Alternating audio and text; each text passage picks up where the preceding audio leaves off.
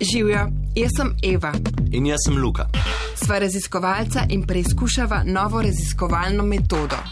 Vstopiva v telo drugega in Odkrivava misli, želje, potrebe, občutiva dotike, vonje, okuse eden od naju gre torej na teren, na teren.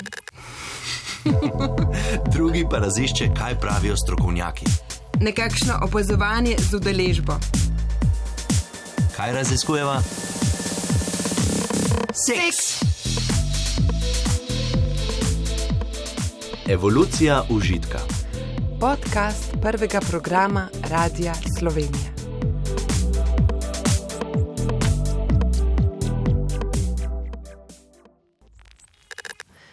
Živijo, jaz sem Mojca, univerzitetna profesorica. Z možem in dvema otrokoma živimo v stanovanju v Šiški. Seveda delam vse zelo by the book, to pomeni, da se posvečam predvsem drugim otrokoma, študentkam in študentom, doseganju akademskih ciljev, gospodinskim opravilom.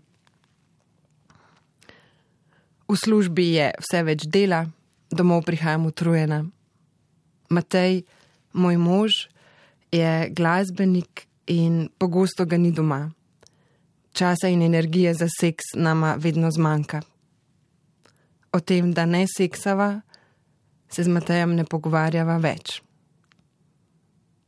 Sem poskušala, pa sploh ne znam. Pogovor o spolnosti, mogoče spolna vzgoja? Ja, ga že imam. O tem bo lahko več povedal Kobe Reisman, urolog in seksolog, odgovorni za spolno vzgojo na nizozemskem in predsednik Evropskega združenja za spolno medicino. we had a sexual revolution in the 60s and a lot of changes. V 60-ih letih prejšnjega stoletja smo imeli seksualno revolucijo. Z oralno kontracepcijo se je veliko spremenilo, vendar sta seks in seksualnost še vedno velik tabu. Ljudje si o tem ne upajo govoriti, niti s strokovnjaki, niti med sabo. Veliko parov se nikoli ne pogovarja o svojih željah, svoji seksualnosti, torej je to še vedno velik tabu. Not even with professional, but with each other.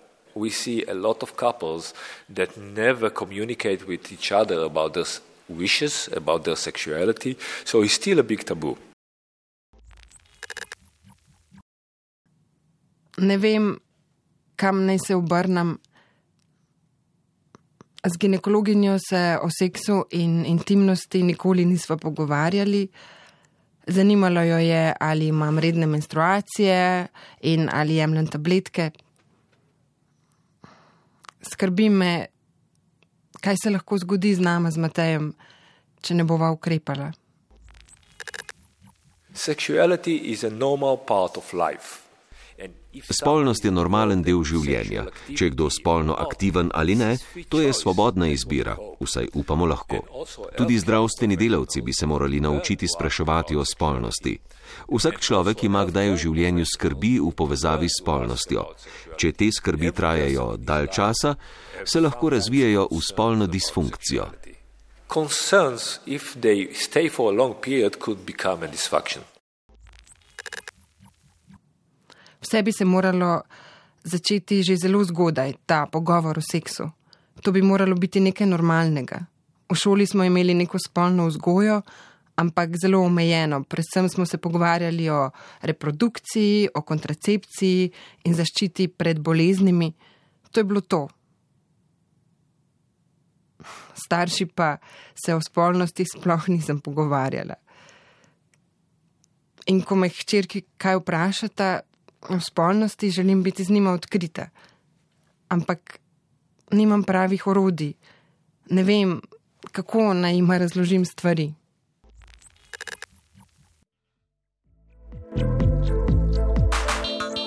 Ja, vse se začne doma, tudi pogovor o spolnosti. To razloži Shalini Andrews, zdravnica in svetovalka na področju HIV-AIDS-a v Veliki Britaniji. Children are ready to talk about sex at a very early age. Three. And when I said I talked to my three year old about sex, my colleagues looked horrified. They said, Oh, we don't even tell the word sex. Otroci so že zelo zgodaj pripravljeni na pogovor o spolnosti. Pri treh letih. Ko sem kolegom povedala, da se s svojim triletnikom pogovarjamo o seksu, so me medicinski kolegi pogledali zgroženo. Rekli so, da besede seks pred otroki sploh ne izgovarjajo. Pri treh sem jih naučila, kako naj pazijo na se, kako ne smejo dovoliti, da se jih dotikajo po delih telesa, kjer se ne bi smeli dotikati. Ko so zrasli, sem se o spolnosti z njimi pogovarjala v vsaki fazi razvoja. Ko je bila moja hči stara 11, me je vprašala, ali lahko zdaj zanosim. V moji državi lahko ženska legalno zanosi, kadarkoli želi, ampak seks je legalen šele pri 16. Zato sem ji rekla: Ja, lahko zanosiš, vendar legalnost pri seksu je drugačna. Imaš pa pravico. Človekova pravica je, da zanosiš, če želiš. Ampak ali si pomislila, kaj vse moraš početi, če želiš skrbeti za dojenčka? In ko je spoznala, koliko težkega dela je z dojenčkom, si je premislila. Ampak z otroki se je treba pogovarjati o teh stvarih in jim povedati, da seksamo zaradi užitka. To je po mojem mnenju ključno. Če ceniš svoje telo in misliš, da ga uporabljaš za užitek, potem se boš izogibal infekcij, neželene nosečnosti in še številnih drugih stvari. Nizozemska je prva, ki uči ljudi spolnosti in delovalo je. Zato mislim, da se je treba začeti pogovarjati. In še to. Z odprtim pogovorom o spolnosti sicer ne moremo preprečiti posilstva, lahko pa ga prijavimo. Pri seksu nič ne sme biti tako hudo, da o tem ne bi mogel govoriti. Tudi to moramo povedati otrokom. Tako svojim fantom kot svojim puncam. Fantje še posebej težko spregovorijo z ljudmi, da so bili posiljeni. Tudi moški so lahko žrtve nadlegovanja, tudi moški so lahko žrtve nasilja v družini. Zato je to pomembno za oba spola in ljudi z nebinarnimi spolnimi identitetami. And I think that's important to tell them as well. Both your boys and your girls. Boys, particularly when they're raped, find it hard to come and talk to people. And I think it's important for either gender or people who don't conform to the binary.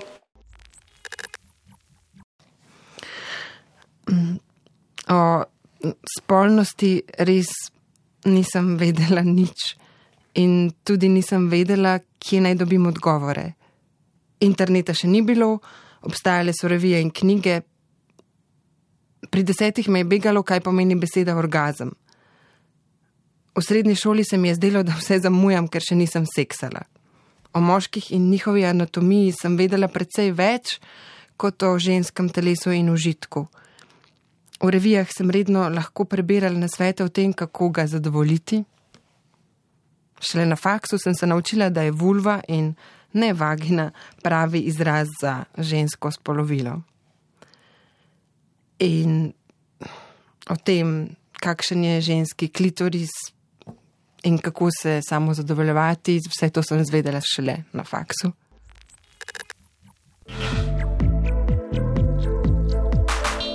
Zakaj je žensko telo taka enigma, da ga tudi ženske same ne poznajo? Žensko telo, klitoris, vulva, ženski orgazem. Ja, to raziskuje My name is Inês Tavares. I am a, a, clinical psychologist from Porto in Portugal and I work um, in the Faculty of Psychology. Zanimajo jo psihološki faktori, ki vplivajo na spolno funkcijo, spolno zadovoljstvo in splošno spolno počutje.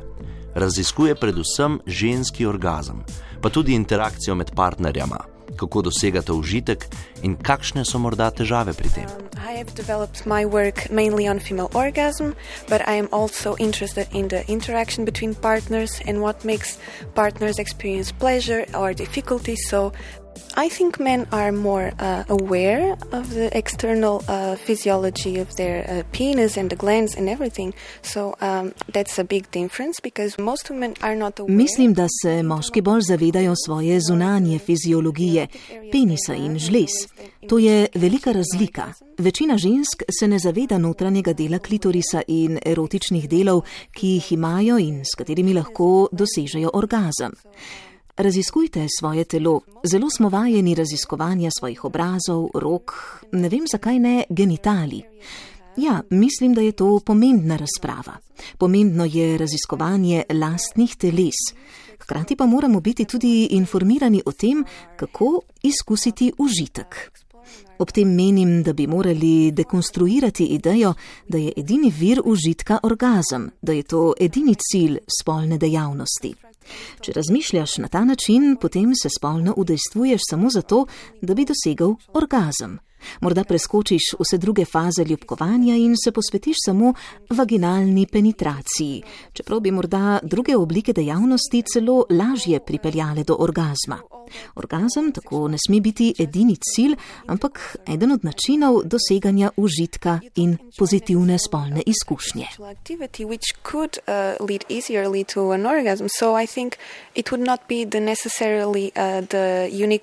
sexual activity, but one way of experiencing pleasure and having positive sexual experiences. Ne vem, odkdaj seks ni več nekaj, kar bi redno počela. Ne samo z Matajem, tudi sama sabo se ne ukvarjam več. Verjetno se je to zgodilo takrat, ko smo dobili otroke. Kadar seksava, nama je vedno lepo, ampak seksava redko, prepogosto sva utrujena. Včasih si želim, da bi si spolnosti sploh želela. A njen problem je spolna želja. I'm uh, Marike de Witte. I'm uh, living in Belgium, but I'm working in the Netherlands, very close by at Maastricht University. I'm doing mainly research on sexual responding, but I focus on the interpersonal dynamics because most often sex research is focusing on individuals, and uh, of course, we most often have sex in the context of a relationship. So that's why important that if you do research on sexuality, we need to include both partners. Pogosto je pri raziskovanju spolnosti fokus na posamezniku, ljudje pa imajo spolne odnose najpogosteje v razmerih. Zato se ji zdi pomembno, da pri raziskavah seksualnosti vključuje oba partnerja.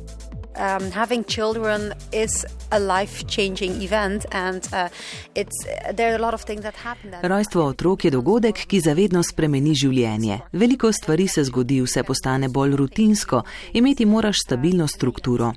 Preden ima par otroke, je lahko vse bolj spontano, potem pa pride struktura, rutina, spremenijo se vloge, postaneta mama in oče, vloga partnerja ni več osrednja. To lahko deseksualizira oba in je včasih lahko problem. Ni pa nujno, da je to problem, gre samo za to, kako se s tem soočiš. Gre tudi za to, kakšna imaš pričakovanja. Lahko pač sprejmeš, da so vzponi in paci, če sprejmeš, da se spolna želja lahko v določeni točki zmanjša in pri tem ne delaš panike. Ne smeš pa tudi zaspati in dovoliti, da se to zgodi. Poskušati je treba nove dejavnosti, s partnerjem se je treba pogovarjati. Lahko si na primer določite večer za zmenek, še posebej, kadar imata otroke. Če boste čakala na trenutek, ko boste imela čas za seks oziroma ko se bo spolna želja kar spontano spet pojavila, potem boste dolgo čakala. To ne deluje tako. Zato vedno rečemo, organizirajte si večer za zmenek, ko so otroci z varuško ali gredo zgodaj spat, vidva pa ustvarite vzdušje in priložnost za dotike in intimnost. Ni nujno, da se zgodi penetracija, le priložnost, da se zbudi spolna želja.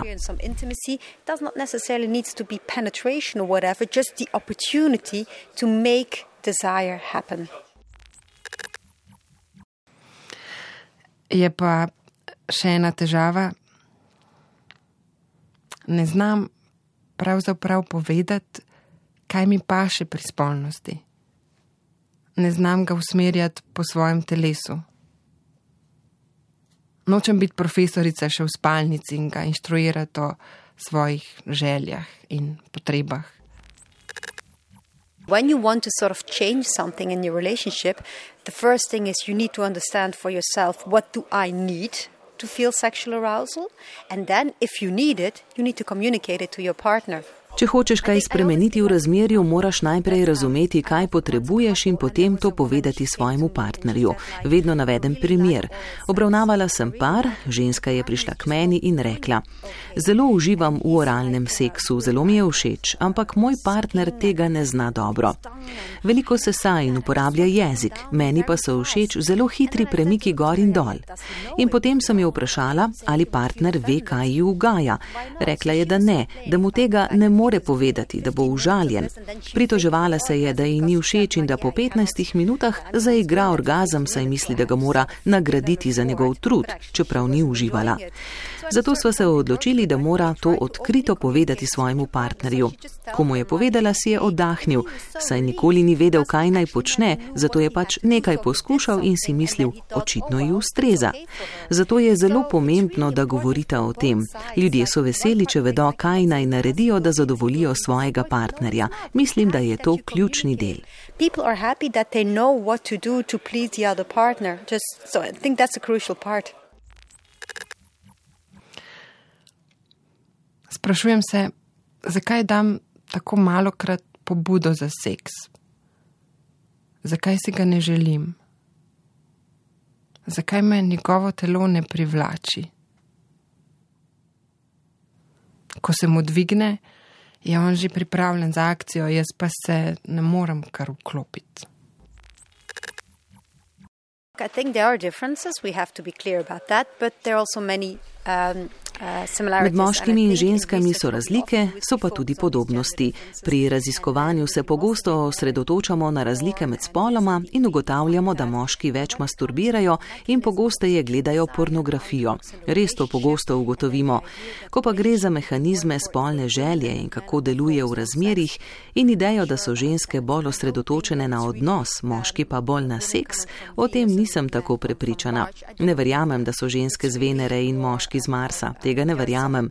Seveda so tu biološke razlike. Imamo različne ravni testosterona, moški se lažje vzburijo, ampak tudi če ženski omogočiš pravi kontekst in pravo stimulacijo, se tudi ona hitro vzburi. Morda ženske potrebujejo druge stvari, da sprožijo svoj spolni sistem, ko pa je enkrat sprožen, deluje enako, potrebuje iste stvari. Tudi moški potrebujejo intimnost in tudi ženske nimajo spolnih odnosov samo, kadar želijo izraziti ljubezen. Tudi ženske si želijo, da jim pride in da doživijo orgazem. Ne vem, če smo si tako različni, kot nas mediji in književnost želijo prepričati. I'm, I'm not sure whether we are so different than the media and the literature is trying us, uh, to, making us believe actually. Včasih sem tako utrujena, da je seks res zadnja stvar, ki mi pade na pamet. Sploh ne vem, kdaj sem se zadnjič samo zadovoljevala. Ne vem niti, na kaj bi lahko pomislila, ko bi se rajcala. Včasih sem si predstavljala kakšnega svojega študenta in že sem postala čist mokra, po celem telesu me je začelo ščemeti. Zdaj moških še opazim ne, porničev pa tudi ne moram gledati, niso mi seksi. Fantasies are really, really important in terms of sexuality and uh, especially for women. This is then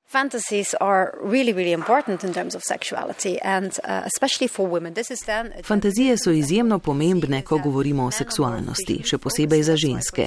Tu pa lahko govorimo o razlikah med spoloma. Moški so bolj vizualni, zato so izdelki pornografske industrije tako priljubljeni pri moških.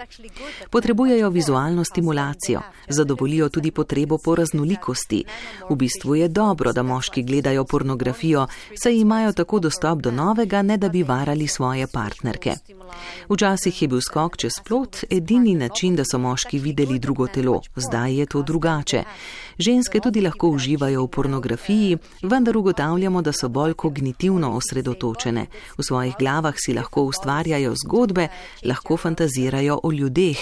Pogosto so v teh fantazijah zvezdniki, lahko pa so tudi običajni moški, sodelavci, kolegi, s katerimi ne bi v resničnem življenju nikoli želeli imeti spolnega odnosa. To se pač zgodi in je popolnoma normalno. Je pač fantazija. Fantazija je nekaj zasebnega, v njej uživaš, se ji prepuščaš, na njej delaš. Potem jo lahko uporabljaš za stimulacijo, povečanje spolne želje in za vključevanje v spolno dejavnost. Gre za motivacijo. Um, enjoy it, you indulge in it, you, you work on it, and you just use it as a stimulus to increase your sexual desire and to, to engage in sexual activity. It's just a motivation to do something.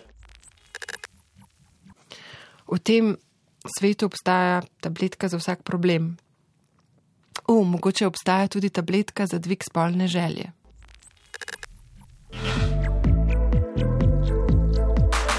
Odgovor na vprašanje, kako zdraviti pomankanje spolne želje, ima. I'm Francesca Tripodi. I'm a psychosexologist and psychotherapist uh, belonging to the ESSM and EFS, uh, the European Association for uh, Sexology. Francesca Tripodi, psihoseksologinja in psihoterapeutka z Evropskega združenja za spolno medicino. We need to make the woman aware, the men aware of uh, the mechanism of sexual response, why they lost desire in sex, uh, so uh, to explain them which are the obstacles. Moške in ženske moramo poučiti o mehanizmu spolne želje. Če hočejo razumeti, zakaj so izgubili željo po seksu, jim moramo razložiti, kakšne so ovire za dobro funkcioniranje. Moramo začeti pri ozaveščanju in izobraževanju. Določenim parom že to zadostuje, potem sama rešita probleme v razmerju. Del terapije mora biti torej posvečen tudi temu, da partnerja naučimo tudi komunikacije. Naučiti se morata, kako se med sabo pogovarjata o spolnosti, o svojih potrebah in željah. Osredotočiti se morata na užitek, ne na izvedbo. To je zelo, zelo pomembna točka v terapiji. Zavedati se morata, da seks ni le penetracija, ampak užitek. Zavedati se morata, kaj se dogaja v telesu, kako se odziva. Vzeti si morata čas. To ni ura fitnesa. Seks ni izvedba, predstava. Oba se morata počutiti dobro in sproščeno. Be aware that uh, you don't have to rush with the time and you don't have to. It's not a gym session. It's not a, something that you that you need to perform. It's something that you need to. Yeah, you, you need to feel uh, good with it and relaxed. Včasih se sprašujem, kako bi bilo živeti v drugačni skupnosti, saj monogamija ni nekaj naravnega za človeško vrsto. Študentom sem že pred leti predavala o prazgodovinskih izvorih moderne spolnosti. Kasilda Jetta in Christopher Ryan v knjigi Seks obzori trdita, da monogamija ni nekaj naravnega. Mogoče je pa problem v tem, da delujem proti svoji naravi. We still think that the monogamy is the only choice and the more uh, natural choice for a couple, but it's completely different. The reality is completely different. So to be uh, in a monogamy relationship is uh, is a challenge for all of us uh, because naturally we are not supposed to stay with the same partner. Še vedno mislimo, da je monogamija edina izbira, da je bolj naravna izbira za pare. Ampak realnost je popolnoma drugačna. Monogamno razmerje je za vse nas izziv, saj ni naravno, da smo z istim partnerjem 20 let. Z istim partnerjem bi morali biti tri, največ pet let. Serijska monogamija je nekaj bolj naravnega. Biološko, evolucijsko bi morali imeti otroka z najboljšim partnerjem, zaradi genov in evolucije vrste. Po nosečnosti in porodu bi morali počakati nekaj let in potem iti vsak svojo pot ter si poiskati novega partnerja. Še vedno mislimo, da je monogamija najboljši način, ker je taka naša narava, vendar ni tako. Za zadovoljujočo spolnost je ključna primerna spolna vzgoja. V nekaterih državah spolno vzgojo v šolah popolnoma prepovedujejo. Mislijo, da bodo mladi mislili, da morajo seksati, če jim bomo o spolnosti govorili. Mislijo, da bo pogovor o spoštovanju razlik med spoli, o spolnem nasilju, o čustvenih delih intimnih odnosov vodilo v motnje v normalnem razvoju otrok in mladostnikov. To seveda ni res. Imamo dokaze, da spolna vzgoja na kateri koli stopni osnovnošolskega izobraževanja prinese pozitivne rezultate. Zmanjša se število neželenih nosičnosti, manje homofobije, ustrahovanja, nasilja. To je zelo pomembno.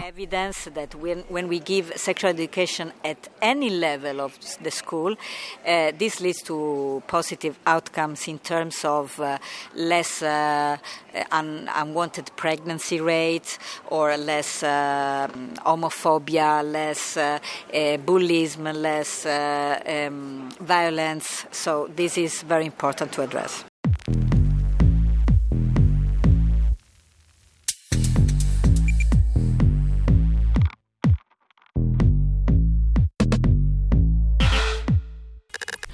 Ja, Eva, o seksu se moramo več pogovarjati.